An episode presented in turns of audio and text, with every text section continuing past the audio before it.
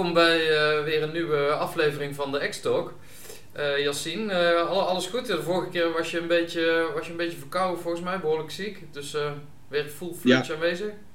Ja, ja, weer helemaal top en fit aanwezig. we hebben er weer zin in. Ik vond het erg jammer dat ik de vorige aflevering heb moeten missen. Um, maar ja, dat, dat zij helaas zo. Um, maar we zijn er weer, dus we hebben er weer zin in. Mooi, mooi. En we hebben, we hebben een hele leuke gast bedacht voor deze uitzending. Want uh, ja, wij hebben het elke keer over CRM-technologie en hoe dat in de zorg uh, kan helpen om eigenlijk meer te doen met minder middelen. Hè? Dus die, om die uitdaging in de zorg goed aan te kunnen. Maar aan de andere kant van CRM hebben we nog een beetje onderbelicht gelaten. En ja, eh, ik vond het eigenlijk wel interessant. Ik kende Gerrit al. Ik ben begonnen in zijn boek, maar ik heb het nog niet helemaal uit. Dus, maar ik vond het eigenlijk wel heel erg leuk om, om Gerrit uit te nodigen. Dus uh, Gerrit uh, die ken je nog niet, maar die, ja, die, die heeft veel ervaring als het gaat om klantervaringen van, van consumenten. dus de kant van CRM op het gebied van nog betere cliënt- of patiëntervaringen te creëren. ja, ik was wel heel erg benieuwd naar, hoe, hij erover dacht en hoe, hij dat in, hoe hij erin zat. Dus ja, ik kijk er eigenlijk wel uit, ik heb er eigenlijk wel zin in. Ja, dankjewel ja. voor de uitnodiging. Ja, en we, hij zit er al voor degene die het via webinar meekijkt, die, ziet, die ziet hem al, zien hem al zitten. Dus uh, welkom Gerrit. Ja, welkom.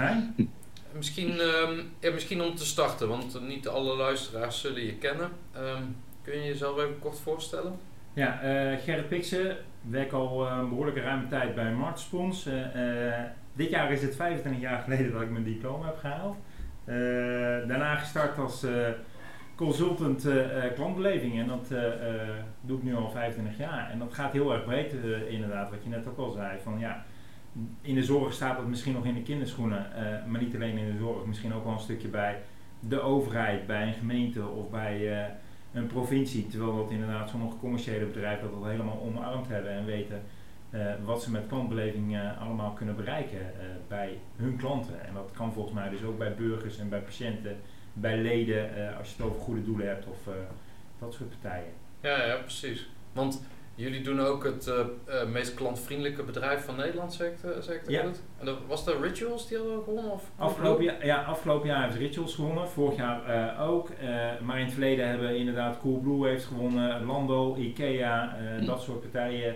en dat is het mooie van als je al 15 jaar lang dat onderzoek doet, dat je nou ja, dat je ook bij heel veel bedrijven mag binnenkijken. Dus dan zit je aan tafel bij Pieter Zwart van, uh, van Coolblue, of dan zit je aan tafel bij Raymond, de oprichter van de Rituals, of dan zit je aan tafel bij Frans Gourmet, de inspiratiemanager van de Efteling. Ja, en uh, daar haal ik ook weer heel veel inspiratie uit. En dat ik denk van, hé, hey, maar wat zij kunnen, dat kan je ook bij een zorginstelling toepassen. Of dat kan je ook bij een gemeente toepassen. Uh, Want die consument is hetzelfde, hè? Dus die consument wat hij ervaart bij Coolblue en bij Rituals, ja, waarom zou hij dat niet kunnen ervaren bij een zorginstelling? Ja, Buiten natuurlijk dat het product anders is. Hè. Zorg verlenen, primair, dat is een belangrijke taak. Maar eromheen, die dienstverlening, ik denk dat daar nog best wel veel te winnen is. Ja, precies. Ik denk dat je het daar goed zegt. Ik weet niet of jij iets wilde zeggen, Yassine? Ja, nee, het gaat ook, of het nou gaat om een kopen van een telefoon, of dat je ergens naartoe gaat om je medicatie op, op te halen. Het, is, het gaat natuurlijk ook om de hele ervaring van, van zo'n consument. Ehm, ja, en, en ik denk dat dat ook inderdaad valt onder, onder ja, de kwaliteit van. Um, de kwaliteit van. van, van ja, ik weet, ik weet niet echt door de juiste benaming ervoor, de kwaliteit van de. Uh, ik wil zeggen, ik heb zorg in mijn hoofd, maar ik heb geen idee waarom. Nee, het is de kwaliteit van de totale dienstverlening die je biedt. En ja, dienstverlening, sorry. Een, een, een, belangrijk aspect in. Ja. Uh, ja. Maar die dienstverlening eromheen begint misschien wel steeds belangrijker te worden. Ook omdat je in de zorg natuurlijk ook steeds meer marktwerking krijgt. Dus daar eh, eh, heb je ook meerdere keuzes. Uh, en wordt je keuze ook niet alleen maar bepaald door, door hetgeen wat je krijgt, maar ook de manier hoe je het krijgt.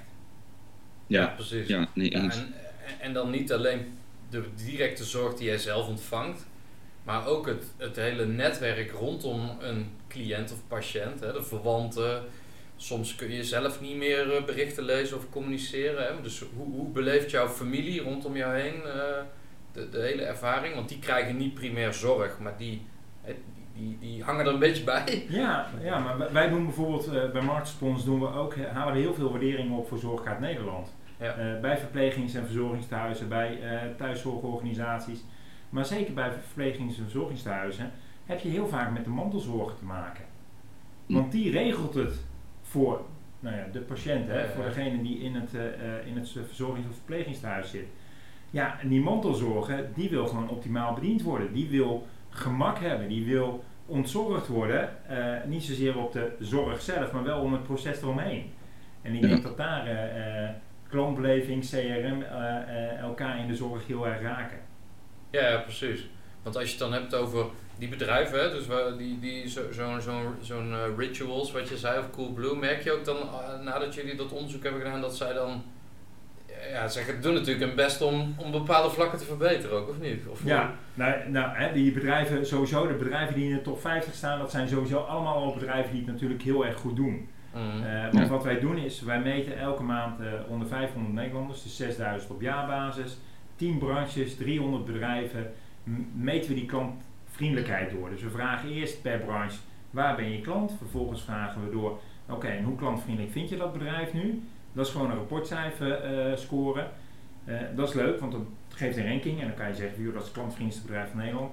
Maar wat vooral leuk is, is de doorvraag daarna. We vragen daarna voor de positieve kant, vragen we door van ja, maar waarom vind je dat bedrijf nou zo klantvriendelijk? En toen we dat 15 jaar geleden voor de eerste keer deden en we gingen die tekstanalyse doen op die open antwoorden, kwamen daar vijf elementen uit. En wij hebben dat de gouden regels genoemd. En die vijf gouden regels, die de eerste keer eruit kwamen, dat waren regels waar je toen het verschil op kon maken. En je ziet ook dat het ontwikkelt en nu zijn het eigenlijk hygiënefactoren geworden. En die klant zegt, ik vind jou een klantvriendelijk bedrijf als je beschikbaar bent als ik je nodig heb. Ja. Nou, hè, doorvertalen naar de zorg, kan je iemand bereiken op het moment dat je iemand nodig hebt. Staat er een telefoonnummer op de website. Uh, uh, voor de nieuwe generatie kan je via WhatsApp of via social contact met de zorg nemen. Ja, dat vind ik een hele interessante. Wil ik daar graag op inhaken. Maar. dat is gouden regel 1. Gouden regel 2, kom je beloftes na, ook die je in de algemene communicatie doet. Dus hè, een belofte uh, is natuurlijk één op één. Ik bel je morgen terug. Ik kan het antwoord niet, niet voor je vinden, maar ik bel je morgen terug. Maar ook de belofte die je in de algemene communicatie doet. Bijvoorbeeld bij Coolblue, alles voor de glimlach. Dat is een belofte hmm. die je neerlegt. Nou, welke beloftes leggen de uh, uh, in Nederland neer? Dat is, dat is ook wel interessant om ja, over te hebben. Inderdaad, ja. ja. De derde gouden regel, val mij niet onnodig lastig. Ja. En dat zit hem in het woord onnodig. Uh, mensen worden natuurlijk overprikkeld met, uh, met enorm veel uitingen van, van bedrijven. die zeggen van ja, heel veel uitingen zijn niet voor mij relevant. Ik denk dat het in de zorg misschien wat anders is. Daar zijn denk ik alles wat je hoort relevant. Ja, nou ja, maar wel de juiste. Hè? Dus jij wil niet geïnformeerd worden over Alzheimer als, uh, nee, als je je been gebroken hebt. Zeg nee, maar. Ja, nee. dus het gaat inderdaad over, uh, uh, weet ik de juiste boodschappen op het juiste moment bij de juiste persoon te krijgen. Ja, precies. Ja. dat is gouden regel 3. gouden regel 4 is doe niet moeilijk over formaliteiten. dan nou ben ik al jaren klant bij je, dan nou heb ik een keer wat en dan kom je met die kleine lettertjes van de voorwaarden. Ja, ja, ja, ja.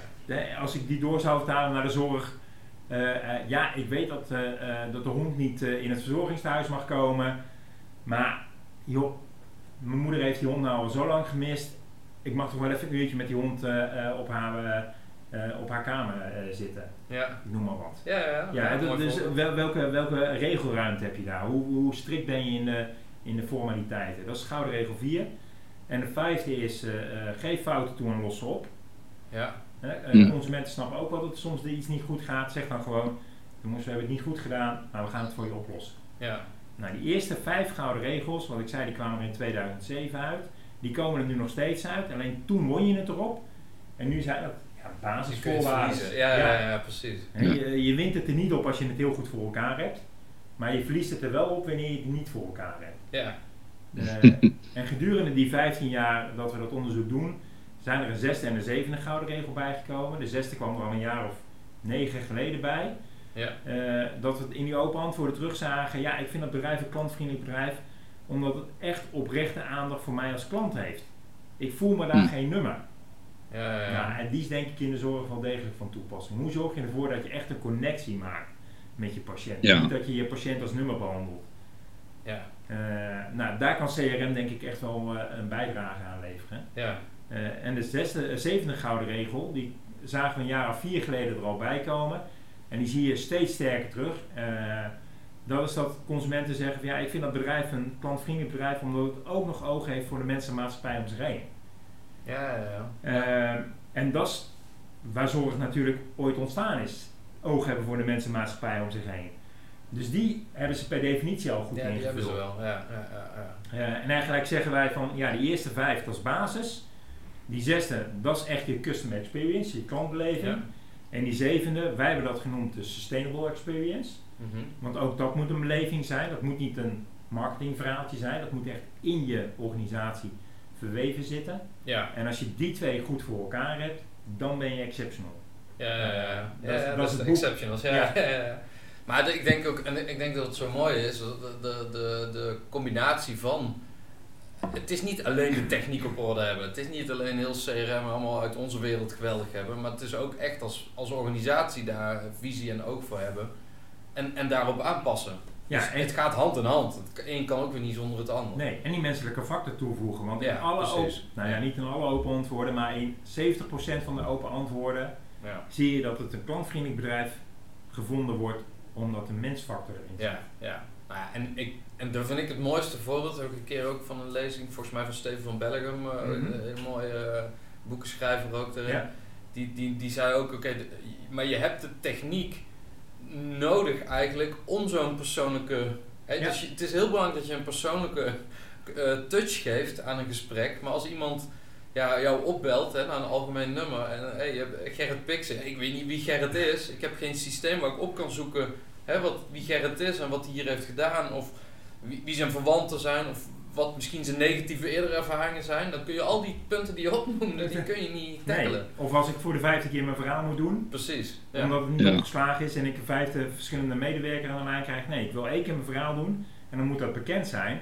En dan moet de volgende keer als ik opbel, dan moet, hè, dan moet jij kunnen zien van hé, hey, Gerrit heeft gisteren ook al gebeld. Ja, precies. En het ging daar naar over. Dan leg je die mensen, dan word je herkend en erkend. Precies, ja. En dit, dit, vind ik, dit vind ik het mooiste voorbeeld van hoe, hoe wij er ook in zitten. Want je kunt dan wel dat helemaal automatiseren en uh, e-mailtjes of WhatsApps gaan sturen, proactief. Ja, dat, dat willen mensen niet.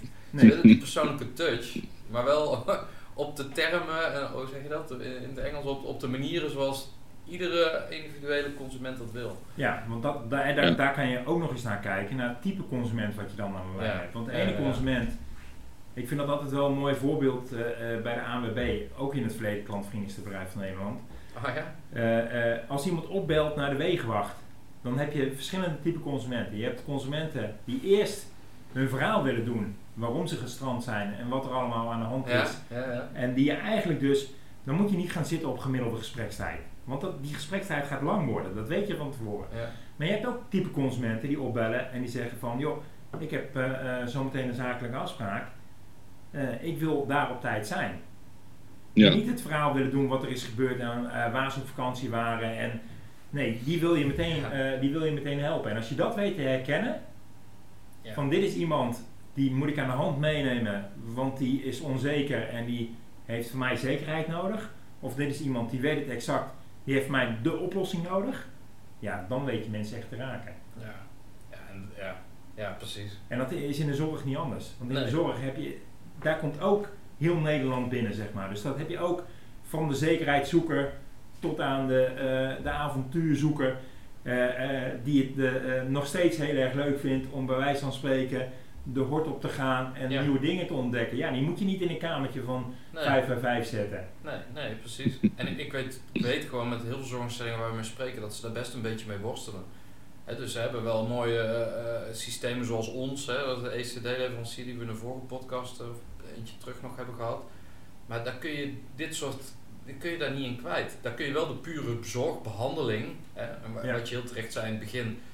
In beginsel komen consumenten of mensen, of personen, dus allemaal personen met zorg in contact en willen ze geholpen worden. Hè. Dus de zorgverlening is primair. Maar hetgeen wat, ja, wat je allemaal nu net benoemt, ja, begint echt uh, belangrijker en belangrijker te worden en terecht ook. Ja, ja. Nee, absoluut. En als het, dat vind ik ook het leuke van bij Marktspons zitten. Daar waar wij blij van worden, hè, we hadden het net over die, die zesde en die zevende gouden regel. Dus je hebt die custom experience en je hebt die sustainable experience. Ja, Is juist net die bedrijven die heel erg op die custom experience al zitten mee te nemen van jongens, maar je moet breder dan dat kijken. Het gaat niet Ja, alleen maar over de winst van de aandelen. Nou, hè, de hele discussie van Shell van vorige week zullen we Ja. het er niet over hebben. nee, ja. Eh, inderdaad. en aan de andere kant heb je die, die bedrijven die op die, op die SX-as, die Sustainable Experience, die zevende gouden regel, ja, die kan je meenemen in die zesde gouden regel. Hoe ga je nou echt die, die klantbeleving erin brengen? ja. Want met alleen maar er zijn voor mensen en maatschappij, ga je het ook niet redden. Nee, nee, precies. Nee. En in de zorg heb je die laatste eigenlijk bijna al Ja, voor elkaar. dat, Maar dat zit die- van het Ja. nature in het DNA, maar je moet dat stukje klantbeleving ook in het DNA Ja. krijgen. Nou ja, ik zie zelfs, Yassine, eh, we hebben nog geen zorginstelling gesproken, eerlijk gezegd, die puntje 1 van jouw gouden regel helemaal voor elkaar heeft. Dus heel goed bereikbaar zijn. Ja, dat is wel zo. Er is waarschijnlijk Ja, een nee. telefoonnummer. Maar eh, weet jij, eh, mijn oma die in een verzorgingsthuis zit, ik, ik, ik weet niet eens welk nummer ik moet bellen hoor, echt niet.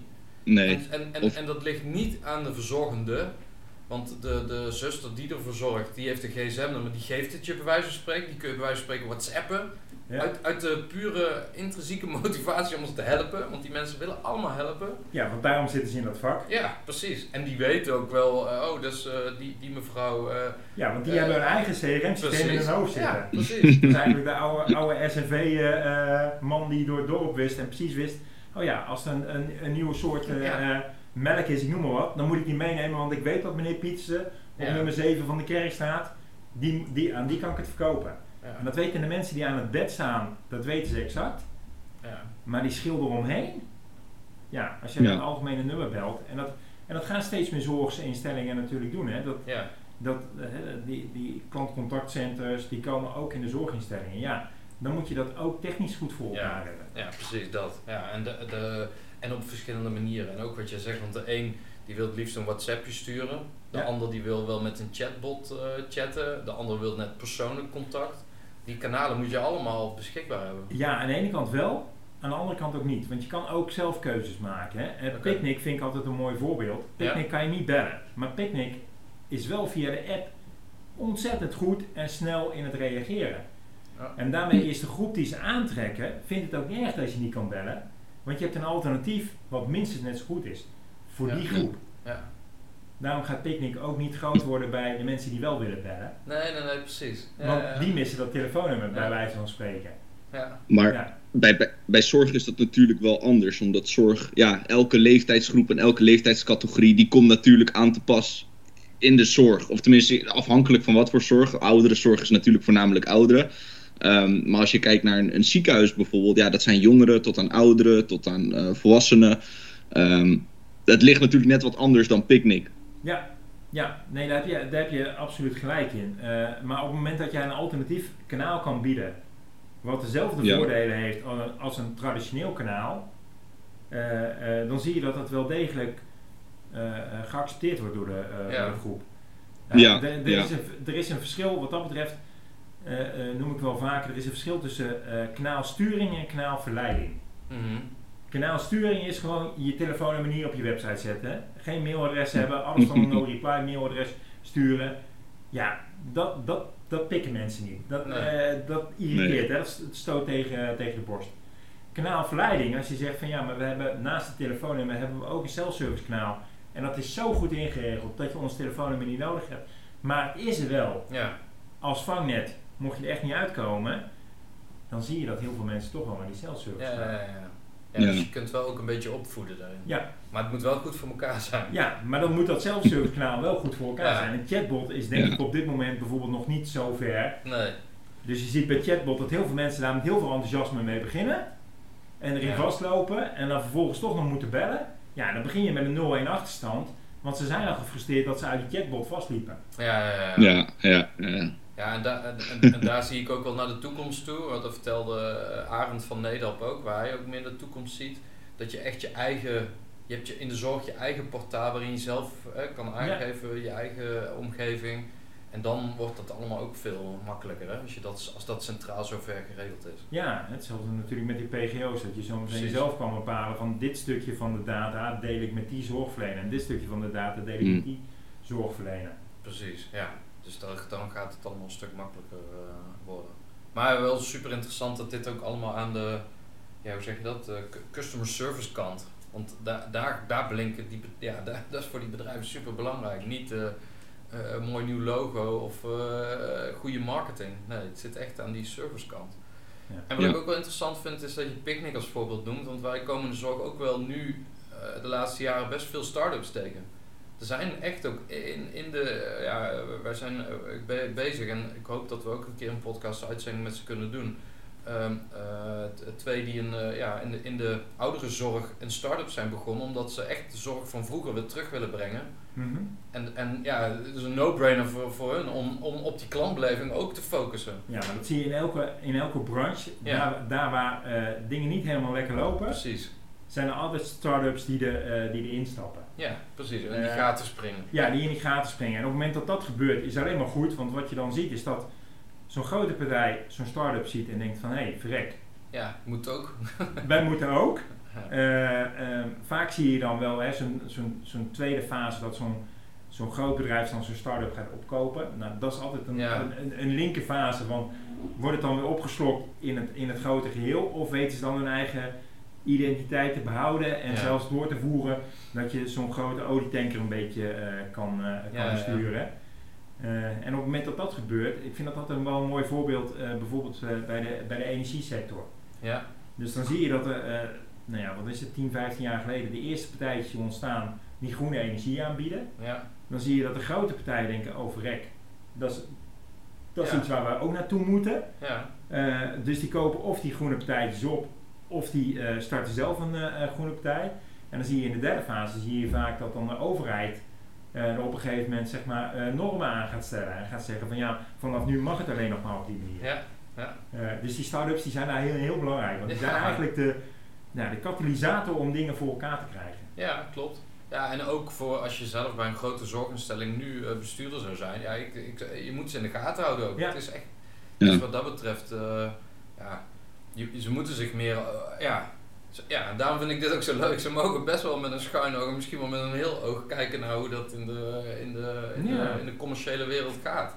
Ja, en, en, dan, en, dan, en dan vind ik, Jasien, je had het net al over een apotheek. Dat vind ik al de commerciële wereld, zeg maar. Als je ziet al hoe dat veranderd is ten opzichte van een paar jaar geleden. Hè, met uh, uh, recept, uh, recepten die thuis bezorgd worden, receptboxen dat je ook buiten openingstijden gewoon je medicijnen kan ophalen, het automatisch herbestellen Ja. van medicijnen. Dat soort zaken, dat is allemaal natuurlijk om die customer experience, die klantbeleving eh, eh, eh, te vergroten. Want ja, ik kan bepalen naar welke eh apotheker dat ik ga. Of ik kan tenminste aangeven, ik wil mijn medicijnen bij die ophalen. Of wil mijn medi- medicijnen Ja. bij die ophalen.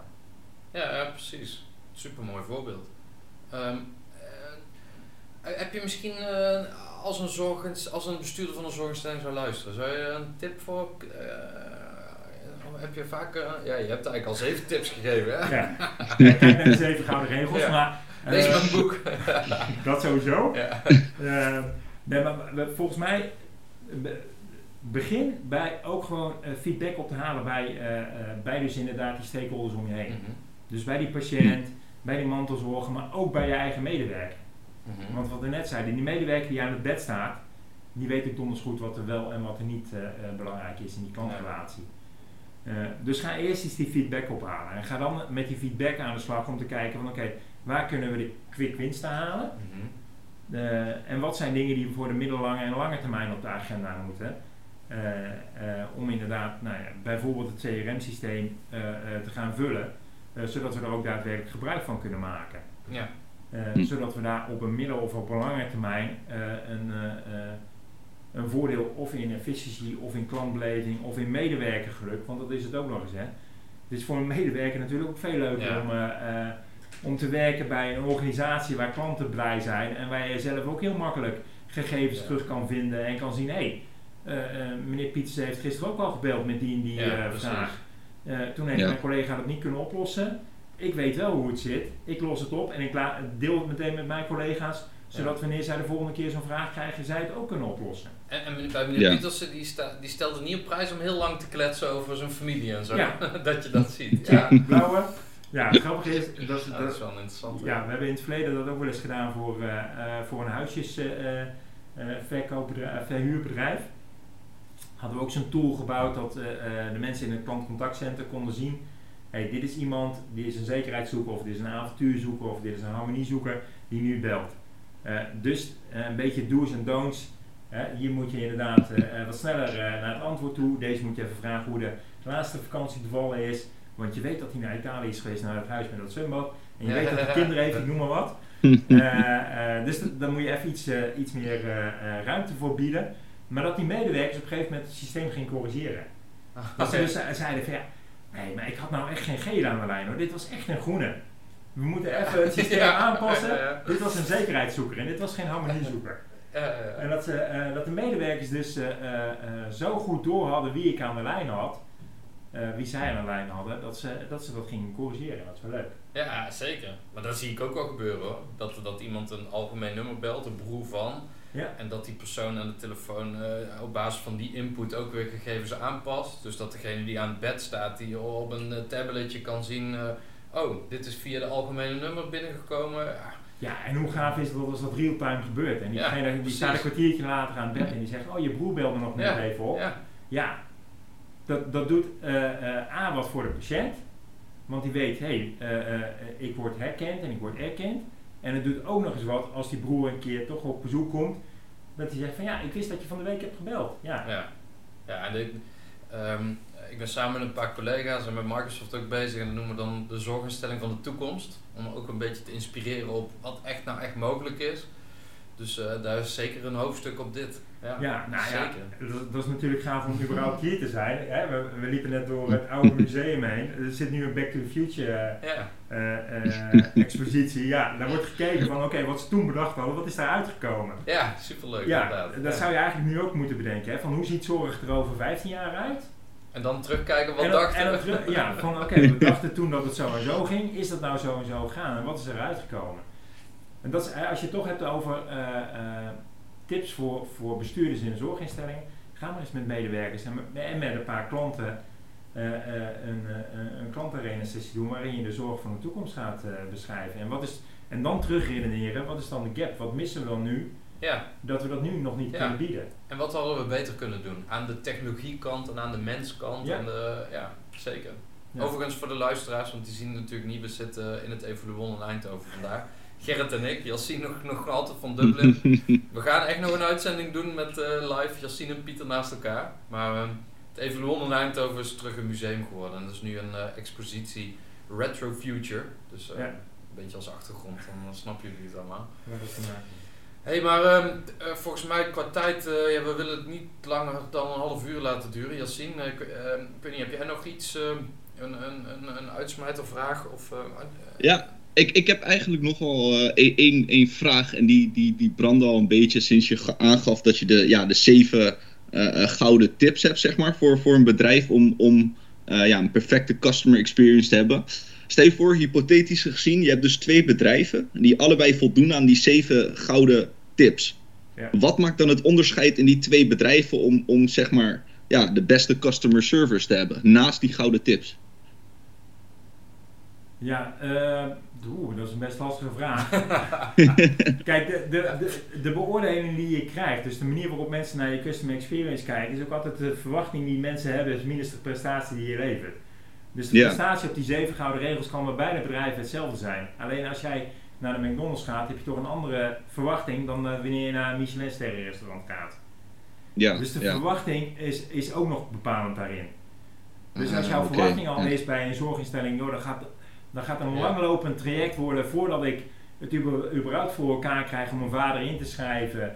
Uh, en dan moet ik tig formulieren invullen. Dat gaat vast niet in één keer goed. Uh, uh, en dan wordt hij misschien ook nog wel drie keer herplaatst of het zal vast niet binnen een maand geregeld zijn. Dat is een hele andere beleving, verwachting die je dan hebt.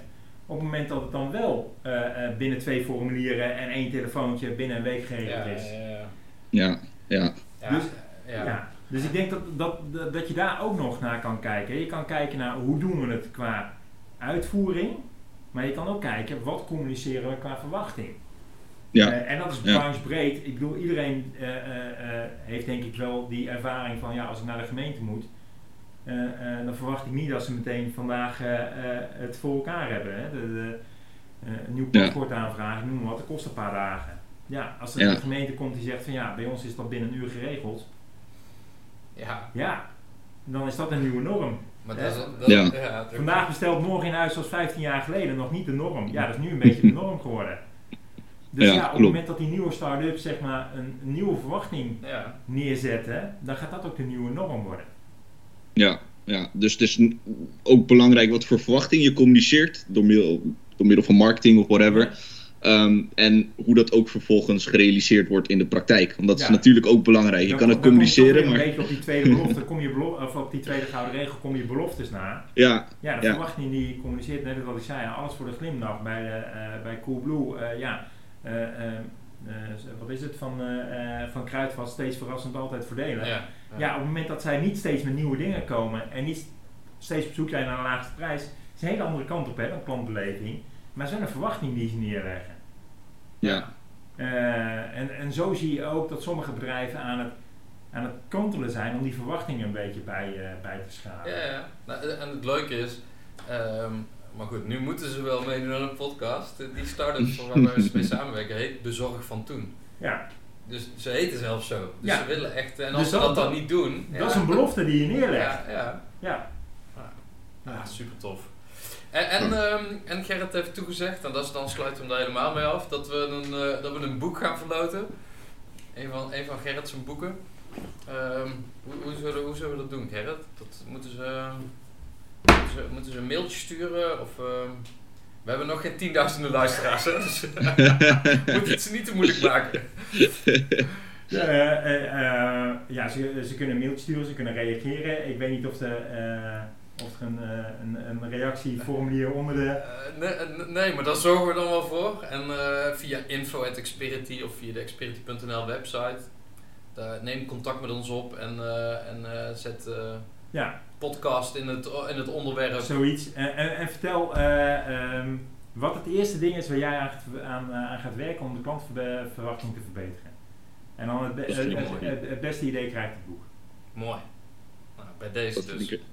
Ja. En ehm, volgende X-Talks, dan eh, zitten wij samen, Pieter. Dat is als het goed is in, eh, in maart.